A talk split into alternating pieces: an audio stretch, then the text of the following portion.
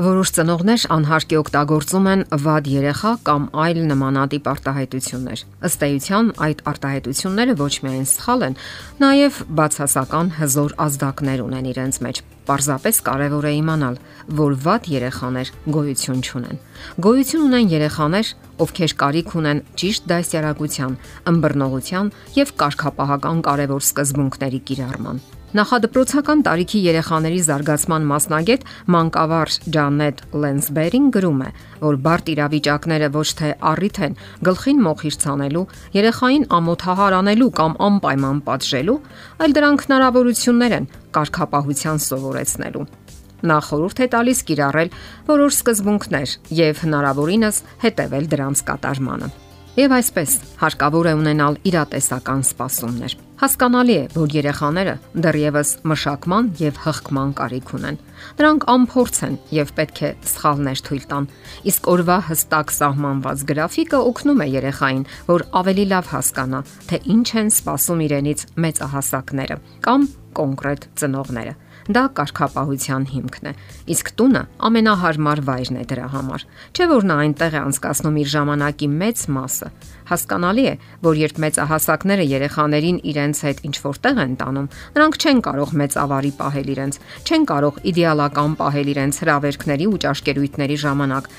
հանրախանութների երկար հերթերում, խմբակների եւ պարապմունքների երկար ժամերի ընթացքում։ Երեխաների զարգացման բնականon ընթացքը ենթադրում է նաև անհնազանդություն, որ նրանք հավերժական չարաճճիներ են եւ երբեմն կարող են անհնազանդություն դրսեւորել։ Երբ օրինակ երեխաները դասերի ժամանակ չարաճճիություն են անում, ծնողներն անհանգստանում են եւ հարցնում. արդյոք նա երես առաջ չէ, ճափից ավելի ագրեսիվ չէ եւ չի ծաղրում արդյոք մյուս երեխաներին։ Երբ ծնողը այդպիսի վախեր է ունենում եւ սկսում է պիտակներ կպցնել, Երեխան անգիտակցաբար իր մեջ է ներծծում դրանք եւ իր ներսում ստեղծում իր բացասական կերպարը։ Ապա սկսում է հրահրել, որpիսի սրի հարաբերությունները եւ արդարացնի իր այդ կերպարը։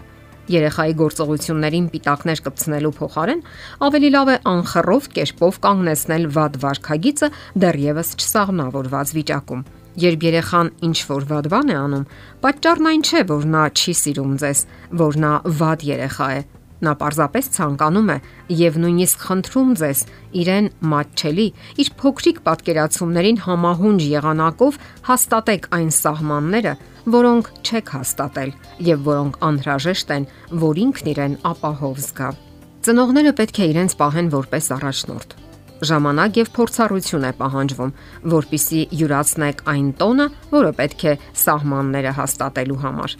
վստահ առանց հարցական ու անվստահ ինտոնացիայի կամ շեշտադրության, առանց հույզերի, բորբոքվելու եւ բղավելու, հարկավոր է ցույց տալ նրա սխալները։ Երեխայի համար շատ կարևոր է զգալ, որ իր վարքագիծը հունից չի հանում ծնողներին,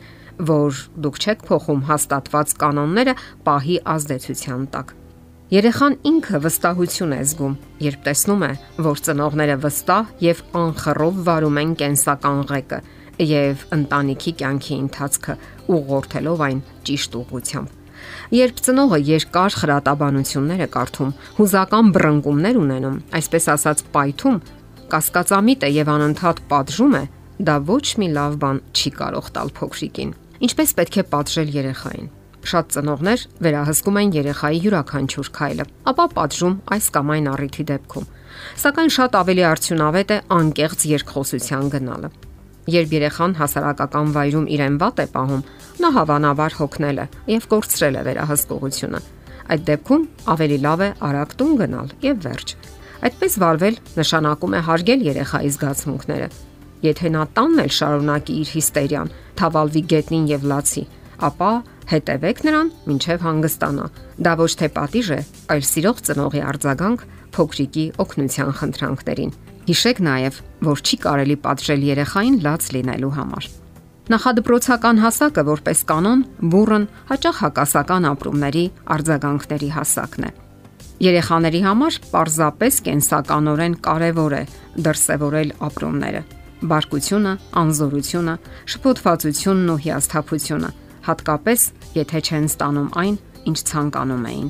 Փոքրիկները պետք է վստահ լինեն, որ կարող են ազատ դրսևորել իրենց զգացմունքները եւ ծնողները չեն դատապարտի իրենց դրա համար։ Մենք խոսեցինք որոշ սկզբունքների մասին, որոնց հարկավոր է հետևել դաստիարակության ողջ գործընթացում։ Սակայն կան նաև անհատական, առանձնահատուկ մոտեցումներ, որոնք յուրաքանչյուր ծնող ինքը կարող է հաստատել ու կիրառել իր փոքրիկի դեպքում, չէ՞ որ ոչ մի երեխա նման չէ մյուսին։ Դե ի՞նչ, գործընթացը համարենք սկսված։ Փորձեք լինել ձեր փոքրիկի լավագույն բարեկամն ու իմաստուն խորհրդատուն։ Եթերում է ընտանիք հաղորդաշարը։ Ձեզ հետ է Գեղեցիկ Մարտիրոսյանը։ Հարցերի եւ առաջարկությունների դեպքում զանգահարեք 041 08 20 93 հեռախոսահամարով։ Հետևեք մեզ hopmedia.am հասցեով։